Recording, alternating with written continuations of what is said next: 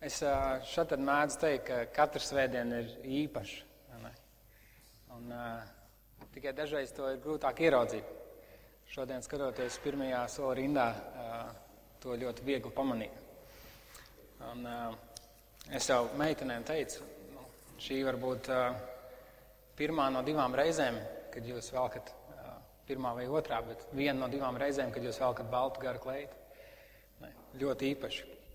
Bet uh, pirms mēs līdz tam nonākam, mēs uh, gribam turpināt un, un, un domāt par, uh, par to, ko mēs esam sākuši. Un šī ir ne tikai Kristības svētdiena, bet šī ir arī Adventas svētdiena.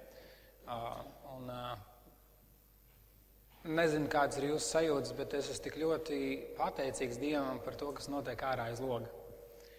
Un, uh, lai cik dīvaini tas nebūtu, tas uh, kaut kā izmaina uh, uztveri.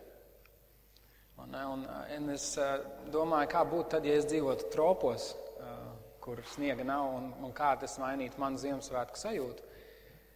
Un, tas noteikti nav galvenais, par ko ir Ziemassvētku, bet man tas kaut kā gribēja. Man slikt domāt par to, ka arī Dievs skatās un saka, ka šī diena ir īpaša.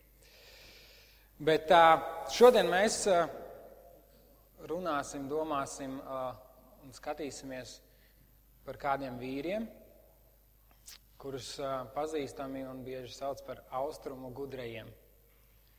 Austrumu gudrējiem. Un, uh, pirms mēs sākam, es uh, gribēju vienkārši kādas pāris lietas noskaidrot, cik jūs erudīti un tā. Uh, mēs lasījām uh, par šiem austrumu gudrējiem, jūs saprotat, par ko es runāju, ne? Jūs esat redzējuši, nu, viņi Ziemassvētkos īpaši vienmēr parādās, par viņiem atcerās. Cik viņi bija? Kāds man var pateikt? Cik viņi bija? Trīs. Kāds saka trīs, kāds saka nezinu. Labi, ja viņi bija trīs, kā viņus sauca? Kāds var pateikt?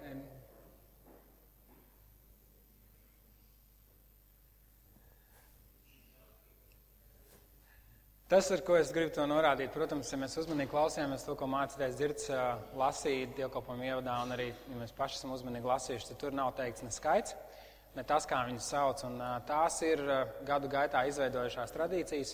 Skaitu bieži vien piemin dēļ tām dāvanām, ko viņi atnes, un nu, tā, lai katram būtu viena.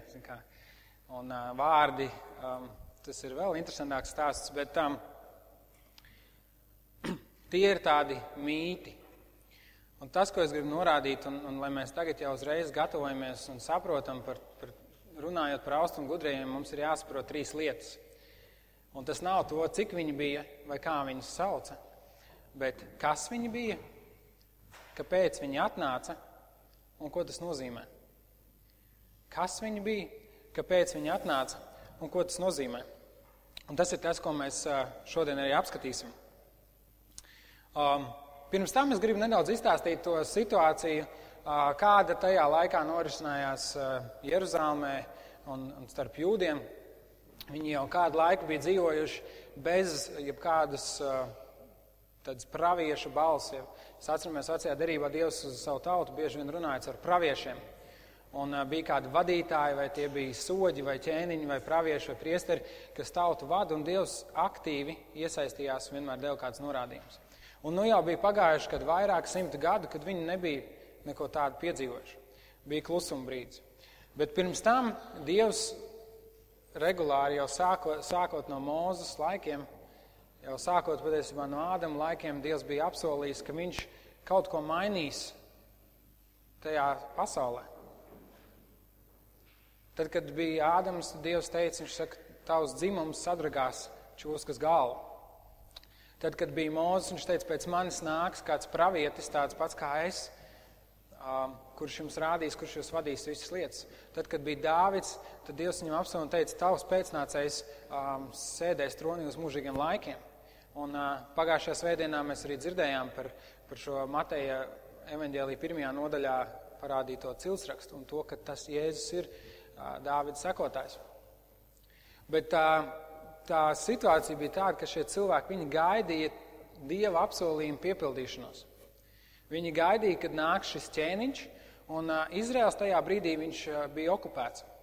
Viņi bija apspiestībā, un uh, to zemi pārvaldīja Romas impērija. Un, uh, un viņi jo vairāk gaidīja kādu, kas nāks viņus atbrīvos. Kas nāks un uh, kaut ko mainīs. Un īstenībā ne tikai, um, ne tikai Izrēlam bija, bija šī sajūta un, un, un, un, tas, ka viņi gaidīja ne tikai jūdiem, bet arī uh, slavens Romas vēsturnieks Tacis raksta, bija stipra pārliecība, ka šo laiku austrumiem bija jāaug varaniem un valdniekiem no jūdejas bija jādibina vispasaules impērija. Jūdu slavenākais vēsturnieks Jozefs Flāvijas raksta, Jūdi ticēja, ka ap šo laiku kāds no viņa valsts kļūs par valdnieku pār visu apdzīvoto zemi. Viņu pārliecība bija tā, ka Dievs sūtīs ķēniņu, kāds vēl nekad nav bijis. Un viņi to gaidīja. Un viņi to gaidīja īpaši tāpēc, ka viņi bija apspiesti. Tāda bija tā situācija. Un tad mēs lasām otrajā nodaļā, kad uh, nāk šie vecajā tulkojumā gudri vīri, ja citos tulkojumos ir gudrie no austrumiem. Un, uh, lai saprastu, kas viņi ir, mums jāsaprot, kas ir šie austrumi. Citreiz mēs iedomājamies, nu, tā vienkārši ir nu, virziens, no kurienes atnāca. Nu, tā, senos laikos nevarēja īsti pateikt, atbrauc ar 4. tramvaju vai 5. bet uh, no austrumiem atnāca. Bet īstenībā tas, tas apraksts nav vienkārši no, nu, no austrumu puses nāca, bet austrumiem. Tāpat kā mēs tagad lietojam tuvie austrumi, tālie austrumi, tāpat arī viņiem bija šis austrumiem. Un uh, tā bija Bābele, jeb Babilonija.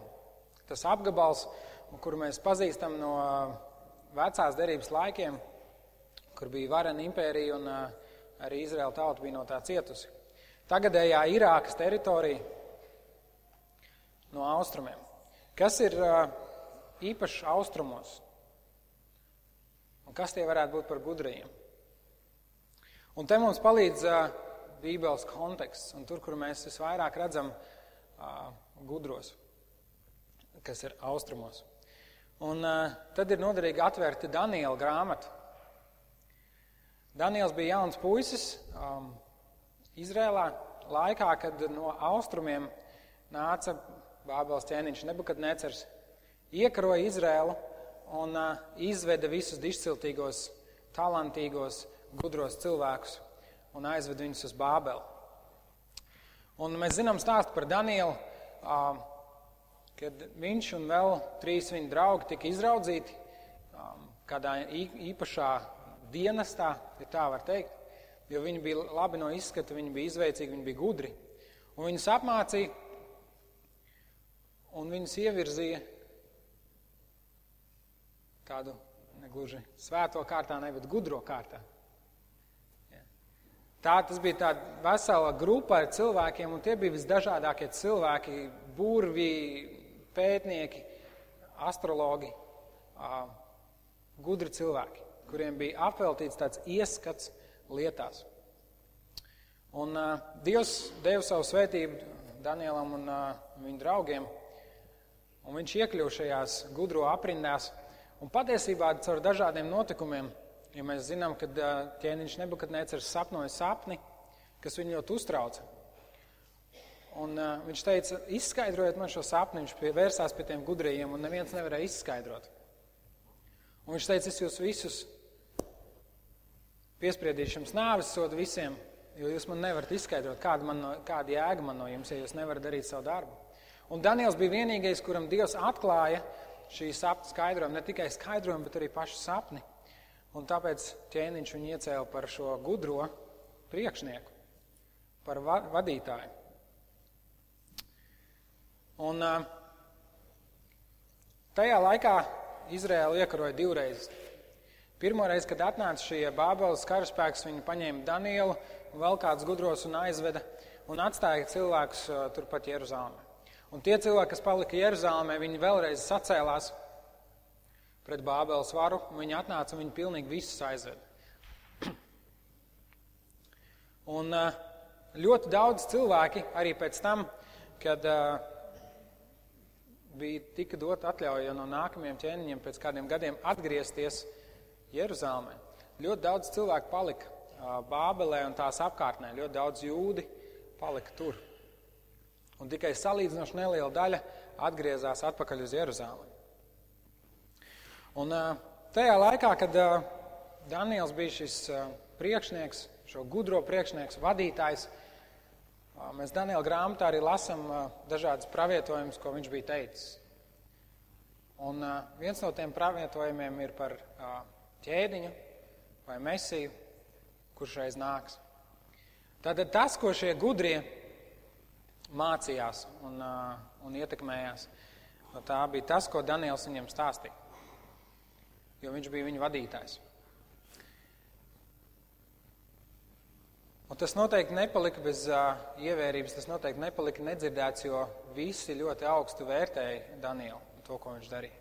Un kā jau iepriekš teicu, tur ir palika daudz uh, citi jūdi pēc tam. Kāpēc es to stāstu? Tāpēc, ka šie gudrieki, par kuriem mēs lasām Mateja evaņģēlijā, nāk no austrumiem, no Bābeles.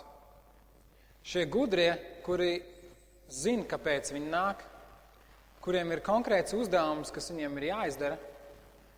Un, ja mēs domājam, ja ti, viņi pazina to, ko Dievs bija apsolījis, arī viņi gaidīja, viņi bija dzirdējuši. Kas viņi bija? Viņi bija gudrie no austrumiem. Kāpēc viņi atnāca?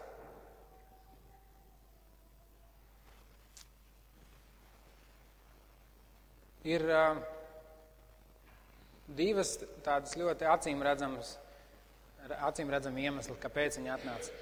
Pirmkārt, viņi pasaka, kāpēc viņi atnāca.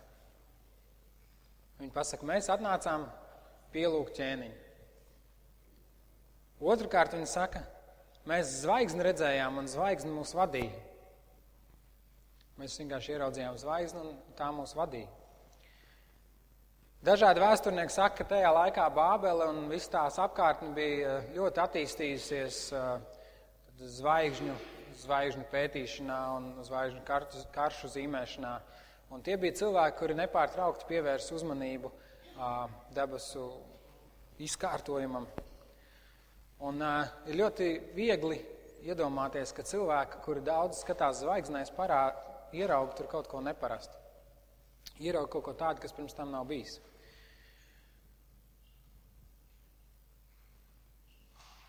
Bet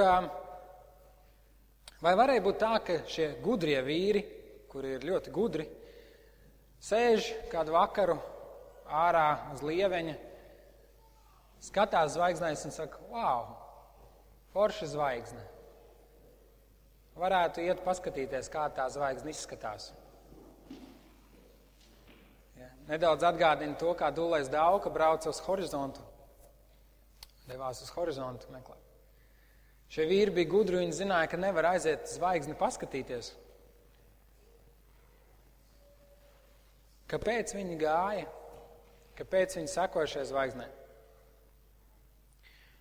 Vēl viens jautājums, kas man radās, ir skatoties debesīs naktī, vai zvaigzne, tāda kā mēs to pazīstam, spēja norādīt uh, konkrētu vietu. Ja mēs zinām vēsturē, un mēs zinām arī tagad, kad pēc zvaigznēm var noteikt virzienu, pēc zvaigznēm var vadīties geogrāfiski, bet vai zvaigzne, tā kā mūsu modernās GPS ierīces, var pateikt, griez pa labi pēc 200 metriem, tu esi sasniedzis savu galvmērķi.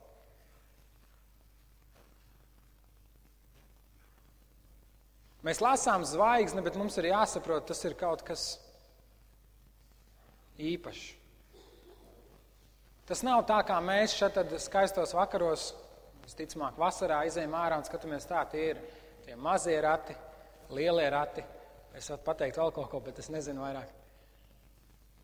Un tad mēs zinām, jā, tas vienmēr ir uz to pusi, tur virs tās mājas, un kaut tās zvaigznes vienmēr tur pa logu var redzēt, un tās atkal nevar. Mēs spējam kaut ko pateikt no zvaigznēm, mēs spējam ieraudzīt, bet neviena no tām neparāda mums, ok, reku te ir imīts vai arī te ir baznīca. Un, kāpēc es to saku? Lai kā arī būtu, lai, lai, lai cik gudri būtu šie vīri, vai lai cik attīstīti būtu šī zvaigžņu pētīšana senajā Babilonijā, skaidrs ir viens. Tā zvaigzne ir vai bija no Dieva. Tā zvaigzne bija no Dieva. Tas bija kā tāds ceļa rādītājs šiem gudrījiem, kuri gaidīja Dieva apsolījumu, kuri meklēja brīdi, kad Dievs to piepildīs. Un viņi skatījās, un viņi ieraudzīja, viņi zināja, šī ir tā zvaigzne, kurai mums ir jāseko. Šī nav parasta zvaigzne. Dievs to tur ielika, Dievs šos gudros vadīja. Kāpēc viņi atnāca? Jo Dievs viņus vadīja. Dievs gribēja caur viņiem kaut ko īpašu pateikt un kaut ko īpašu izdarīt. Otrajā pantā viņš saka, mēs atnācām jūdu ķēniņu pielūgt. Un 11. pāntā mēs redzam, ka viņi arī atnes kādas dāvanas. Zeltu, vīraku un mīres.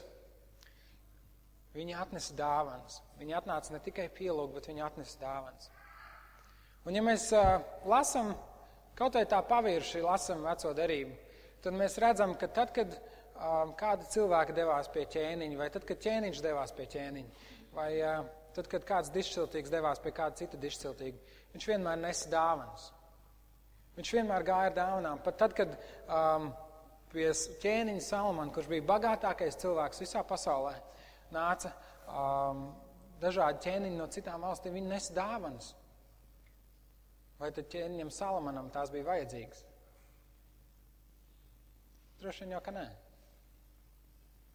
Bet tas bija vienkārši žests. Tos ķēniņš es tev nesu dāvanas. Un arī šie gudrie vīri atnesa dāvanas, zeltu vīraku un mirras. Tas, ka viņi atnes dāvanas, tas patiesībā daudz ko nozīmē. Un iedomājieties, ka to situāciju. Piedzims bērniņš, kurš ir bezpajumtnieks. Jo tajā pilsētā, kur viņi bija aizgājuši, Betlēmē, tās, tā nebija viņa pilsēta. Viņiem tur nebija kur palikt. Viņi uzturējās kūtī. Piedzims bērniņš, kurš tajā brīdī ir bez pajumtes. Atnāk gudri vīri, kuri vēsturiski ir bijuši ķēniņa kalpi. Viņi bija tie, kas vēsturiski izstrādāja likumus ķēniņam. Viņi bija tie, kur izstrādāja kritērijus, kādam bija jābūt ķēniņam, kādam bija jābūt ķēniņa padomniekam, kādam bija jābūt karaspēkam. Atnāk šādi vīri ar dārgām dāvanām pie bērniņa, kurš ir bezpajumtnieks un dot tās viņam. Un ne tikai to, bet viņi saka, mēs esam nākuši viņu pielūgt. Un bieži vien mēs esam tik ļoti pieraduši redzēt šo tradicionālo Ziemassvētku ainu, kur stāv ganiņi, kur stāv gudrie, kur ir tāda mīlīga, mājīga gaismiņa, forša silīte. Tas ir tas, kas ir mūsu prātos. Un mums tas liekas tik ikdienišķi, tas ir tik normāli. Tik līdz valsts svētki novembrī ir garām, tā mēs saliekam savus Ziemassvētku dekorācijas, un mēs iekārtojam veikalu skatlogos bieži vien redzēt šo saucamo Ziemassvētku stāstu. Bet, mīļie, es gribu vērst jūsu uzmanību to, ka šis Ziemassvētku stāsts ir kaut kas ļoti, ļoti neparasts. Kaut kas pilnīgi neiedomājams. Kaut kas principā pilnīgi paradoxāls.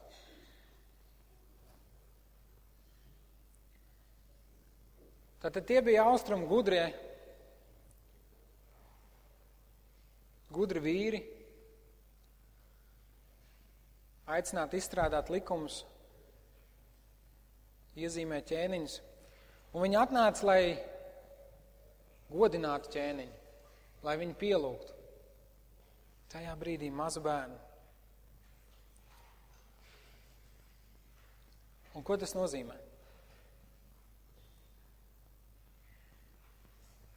Pirmā vieta, kur šie gudrie meklēja ķēniņu, bija ļoti loģiska. Pils. Mēs esam nākuši pielūgt jūdu ķēniņu.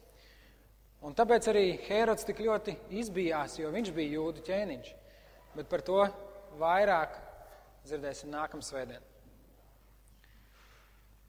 Bet šie gudrie atnesa dāvanas, un uh, šīm dāvanām ir arī kāda nozīme. Zelts, tā, tas ir dārgakmens mūsdienās un arī tajos laikos. Un tad tā ir tāda vērtība. Graznums, ķēniņa simbols. Vīraks to izmantoja pielūgsmē. Vecajā derībā to izmantoja upurēšanā, lai tuvotos Dievam. Vīraks ir dievišķs simbols. Un mīres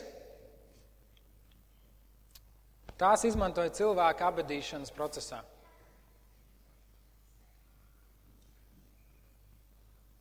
Tas ir cilvēcisks simbols, nāves simbols. To, ka Jēzus ir cilvēks, tajā brīdī redzēja visi. Viņš maziņš bērniņš, jauns cilvēks, jauna dvēselīte piedzimus, liels prieks. Tajā brīdī, kas tur bija, tiem nebija ne šaubu. Tas ir cilvēks. Maziņš, mīļš, jauks cilvēks. Bet Dievs īpaši aicināja gudros, un nevis viņi paši atnāca, bet Dievs viņus vadīja. Lai apliecinātu, ka Jēzus ir ķēniņš. Viņi nesa dāvāns un viņi to godinājumu pielūdza kā apliecinājumu tam, ka viņš ir ķēniņš. Un es domāju, ka tas bija svarīgi Jāzepam un Marijai. Tas bija svarīgi tā laika cilvēkiem, un tas ir svarīgi arī ļoti mums. Ka Jēzus jau no savu dzimšanas brīža, tajā brīdī, kad viņš ienāca šajā pasaulē, patiesībā arī pirms tam, viņš ir ķēniņš. Bet viņš nav parasts ķēniņš. Viņš nav ķēniņš, kuru gaidīja tā laika sabiedrība. Viņš nav ķēniņš, kurš atnāca, lai uzceltu savu, lai izveidotu savu politisko partiju, ieņemtu kaut kādu nišu savu atbalstītāju vai vēlētāju vidū, pārņemtu varu, izveidot impēriju. Viņš nav tāds ķēniņš. Un atkal, mēs esam pieraduši runāt par Jēzu kā par kungu, kā par ķēniņu. Ko tas nozīmē? Tas, ko Jēzus nāca darīt, un tas, kas sākās jau šeit, šajā stāstā, ir kaut kas tik ļoti neparasts, kaut kas tik ļoti paradoxāls, kaut kas tik ļoti pretējs tam, kā mēs mēdzam domāt. Jēzus nebija parasts ķēniņš, un viņš nav parasts ķēniņš, bet viņš ir dievišķs ķēniņš. Viņš ir dievišķs ķēniņš, kurš nācis kā cilvēks. Jēzus būdams dievs un jau būdams dabas ķēniņš arī pirms tam, viņš nolika savu kroni, ja mēs tā varam teikt.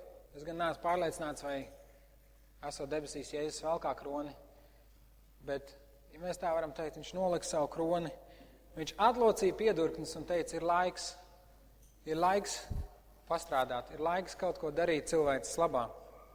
Viņš kļuva par cilvēku vienu no mums, lai būtu tuvu mums. Iedomājieties, Dievs, kurš ir visuma radītājs, kurš ir liels un varens, nāk pie mums kā mazs, mīļš, neaizsargāts bērniņš.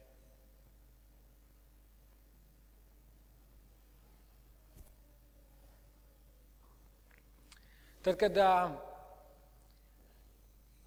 tad, kad es reiz atnāku mājās, un, un Jākaps man tur gaida, viņš jau ir tik liels, ka viņš ir iemācījies kādu lietu, kas ir viena no foršākajām lietām visā pasaulē.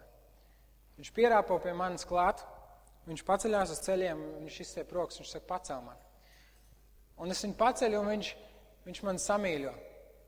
Un es parasti viņam glaudu muguru, viņš tagad iemācījies, arī viņš man paglauda. Un tā ir tik brīnišķīga sajūta, šī bērna tuvība, šī klātbūtne.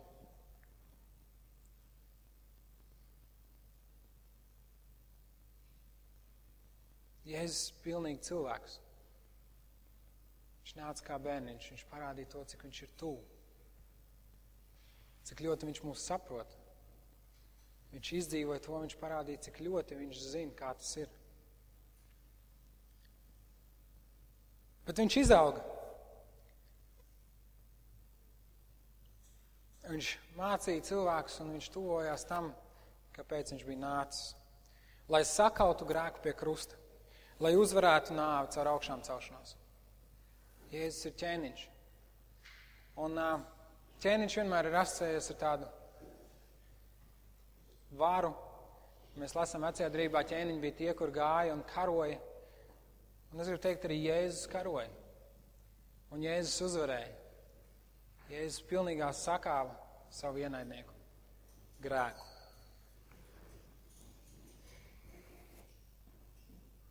Un Jēzus augšām cēlās, viņš deva kāds norādījums uh, saviem mācekļiem, un viņš aizgāja atpakaļ pie tēva, lai turpinātu valdīt. Jēzus nav vienkārši kungs. Jēzus nav vienkārši ķēniņš. Viņš ir ķēniņš, ķēniņš. Un tāpat kā tajos laikos viņš neuzcēla sev politisku valstību, tāpat arī tagad viņš veido citādu valstību. Tādu valstību, par kuras daļu kļūstam arī mēs, es un tu.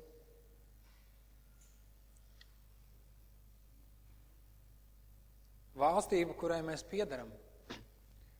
Un to arī jūs šodien apliecināsiet mums visiem redzot. Valstību, kuru mēs piedaram kuras ķēniņš ir Jēzus. Es Raimondam apsolīju, ka es viņu pieminēšu šodien svētdienā. Raimonds ir tēvs. Mēs to zinām. Mārta ir mamma, Raimonds ir tēvs. Bet tikai Amēlija var teikt, Raimonds ir mans tēvs, mans tētis.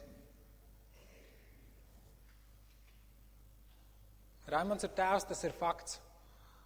Bet tikai Amēlija var teikt, viņš ir mans tētis. Kristus ir kungs, viņš ir ķēniņš. Tas ir fakts. Tas ir fakts, kur tu vari mēģināt apstrīdēt, bet tu to nevari. Bet vai viņš ir tavs kungs? Bet vai viņš ir tavs ķēniņš?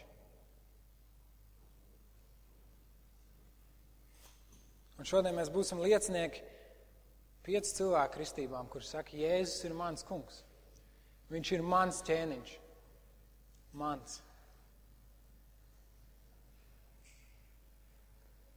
Lai tas mums ir par iedrošinājumu, gan tas, ko Dieva vārds māca, gan tas, ko apliecina šie cilvēki, lai tas mums ir vēlreiz par atgādinājumu, lai mēs paši sev varam pārbaudīt. Jēzus ir kungs, bet vai viņš ir mans kungs? Jēzus ir ķēniņš, bet vai viņš ir mans ķēniņš? Jēzum ir valstība, vai es pie tās piederu? Lūksim Dievu. Mīļais debes tēvs, debes ķēniņ, valdnieku valdnieku. Manam prātam nav aptverams, un tikai tev tas ir saprotams, kā tu, visuma Dievs, varēja nākt kā tāds mazs bērniņš varētu dzīvot šīs samaitātās pasaules vidū. Un ne tikai dzīvot, bet samaksāt par to, izglābt, pārveidot.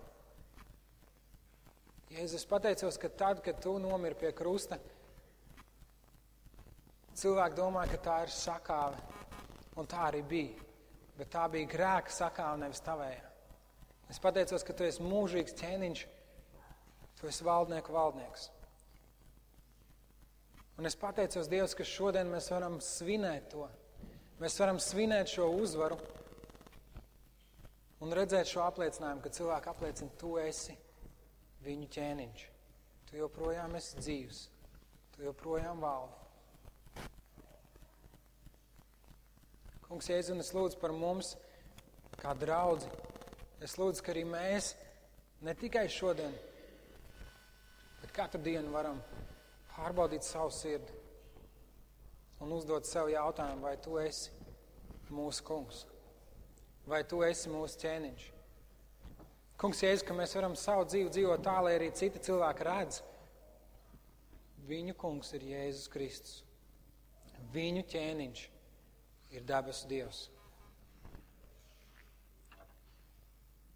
Debes Tēvs vadi mūs, svētī mūs veido mūs. Jēzus vārdā. Āmen.